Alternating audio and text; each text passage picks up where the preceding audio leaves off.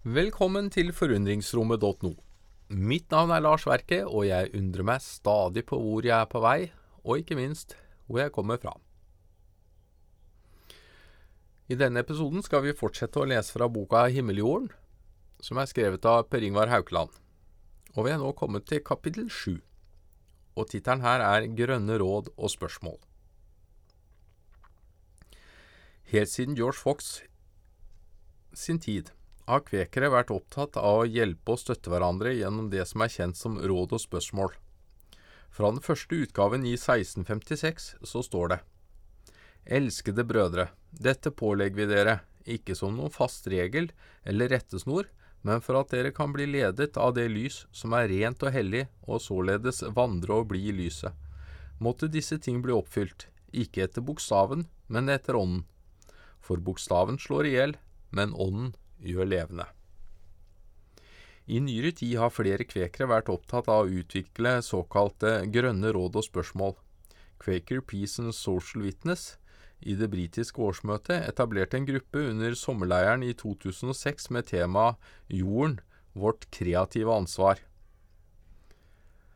som utarbeidet en rekke Green Advices and Queries. Gruppen gikk bl.a. gjennom de ordinære råd og spørsmål fra 1994-versjonen fra det britiske årsmøtet, og valgte ut noen som allerede var grønne. Disse grønne råd og spørsmål er oversatt til norsk, og vi gjengir dem her i dette kapitlet. I tillegg har vi trukket frem et grønt råd og spørsmål fra Kvekerkonferansen om spirituality and ecology på Charney Manor allerede i 1986. Det er også oversatt og identifisert med årstallet. I tillegg har vi forsøkt å bringe inn noen av våre egne råd og spørsmål fra 2004, i et ønske om at alt dette skal utgjøre en helhet. Vi skriver BYM for de som er hentet fra det engelske, 1986 for det som kommer fra Charney Maynor-konferanse, og NOM fra det som er, kommer fra det norske årsmøtet. Håpet er at vi i fellesskap og basert på erfaring kan justere dem etter hvert, slik at de kan få større innvirkning. Noen grønne råd og spørsmål. Uten sola, regnet, vinden og mangfoldet av alt som lever omkring oss, kan vi ikke leve. Legg merke til hvordan døgnet forandrer seg, fra morgengry til solnedgang. Se nattehimmelens uendelighet. Følg med når årstidene forandrer seg fra vinter til vår, til sommer og til høst. Hver årstid har sin egen skjønnhet. Fjell, vann, elver og skog. Alle kan de inspirere oss og gi oss steder med fred og inspirasjon til andakt. Naturen byr også på utfordringer som, være, som vi bør være rede til å møte. Ta deg tid til å erkjenne og respektere, sette pris på og glede deg over naturens mirakel. 1. Det er ikke vi mennesker som er i verden, og vi kan ikke gjøre som vi vil i forhold til verdens ressurser. Vis kjærlig omtanke for hele skaperverket, og gjør ditt for å bevare naturens skjønnhet og mangfold. Gjør hva du kan for å sikre at menneskenes forhold til naturen er preget av ansvar og ærefrykt for livet. Gled deg over storheten i Guds vedvarende skapergjerning. Holder du deg informert om konsekvensene av din livsstil, på det globale miljøet og den globale økonomi? Er du rede til å handle på grunnlag av denne kunnskapen? 2. Hvis du utsettes for press til å gå på akkord med din personlige integritet, er du da forberedt på å stå imot? Vårt ansvar overfor Gud og vår neste kan medføre at vi må innta upopulære standpunkter. La ikke samfunnets konvensjoner eller frykten for å være annerledes virke inn på din avgjørelse. 3. Vi utsettes for næringslivets fulle påvirkningskraft, blir også påvirket av familie, venner og naboer. Ta deg tid til å forstå dine egne egentlige behov og ditt fulle potensial.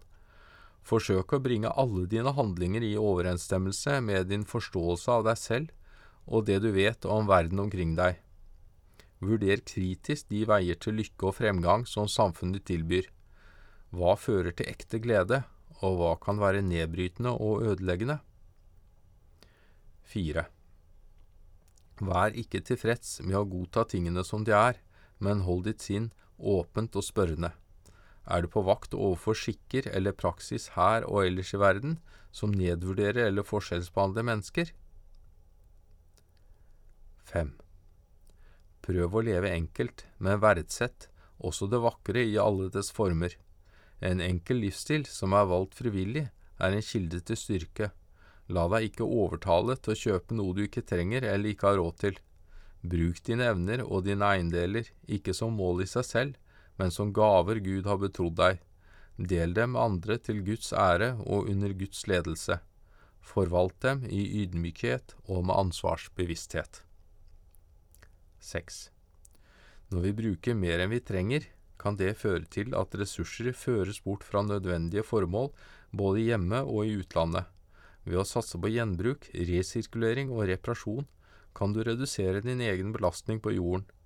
Men det å redusere forbruket og slik klare seg uten unødvendige varer, vil gi størst utslag. 7. Søk å forstå årsaken til sosial uro, urett og frykt. Arbeider du for en rettferdig og solidarisk samfunnsorden, som lar alle få utvikle sine evner og som fremmer viljen til å tjene andre. Søk å vitne om menneskeverdet, også når det gjelder dem som bryter samfunnets konvensjoner eller lover. Prøv å finne nye muligheter for utvikling i vår tids sosiale og økonomiske liv. 8. Vi har samme DNA-struktur som alt annet liv på jorden. Atomer i vår egen kropp har sirkulert gjennom et enormt nettverk av levende og ikke-levende som til sammen utgjør universet. Mye av det vi foretar oss, kan direkte eller indirekte skade naturen. Tar du din del av ansvaret for å gjøre denne skaden så liten som mulig? 9. Kravet om billige matvarer har ført til forurensning av luft, jord og vann, ødeleggelse av vegetasjon og dyreliv og sløsing med råvarer. Legg vind på å kjøpe økologisk og lokalt produsert mat mat fra rettferdige handelssystemer, og spis frisk frukt og grønnsaker når det er sesong for dem. Vurder om du bør dyrke noe mat selv.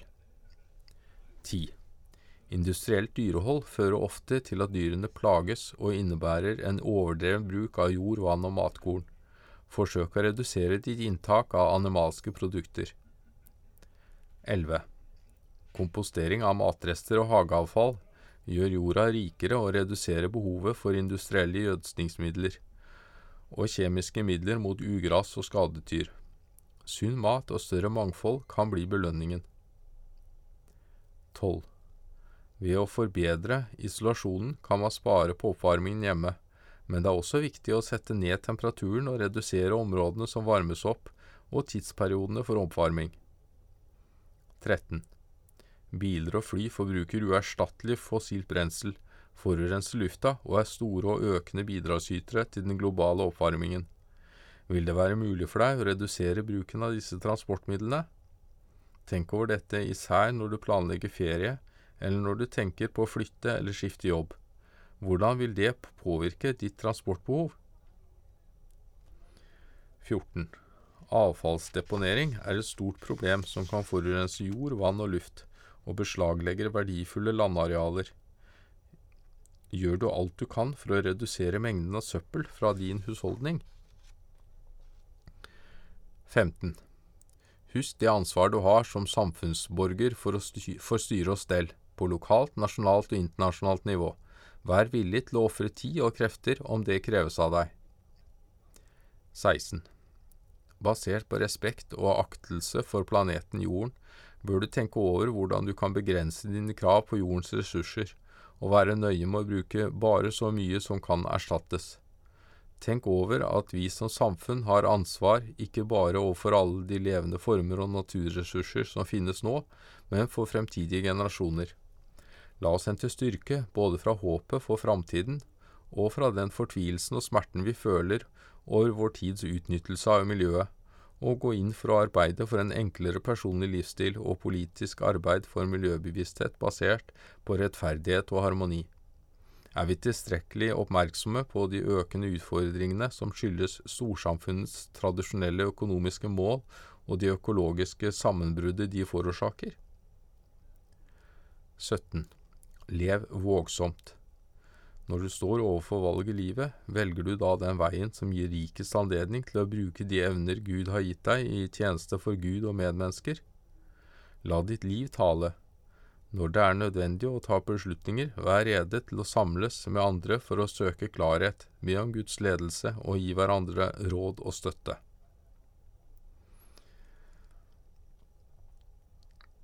Da håper jeg du har fått noen eh, eller blitt litt inspirert av de råd og spørsmålene. Det var det siste kapittelet i boka, men det er en epilog som jeg kommer tilbake til i neste episode. Da takker jeg for følget i lesningen av boka 'Himmeljorden' av Per Ingvar Haukeland, og ønsker velkommen til epilogen i den siste episoden. Ha det bra!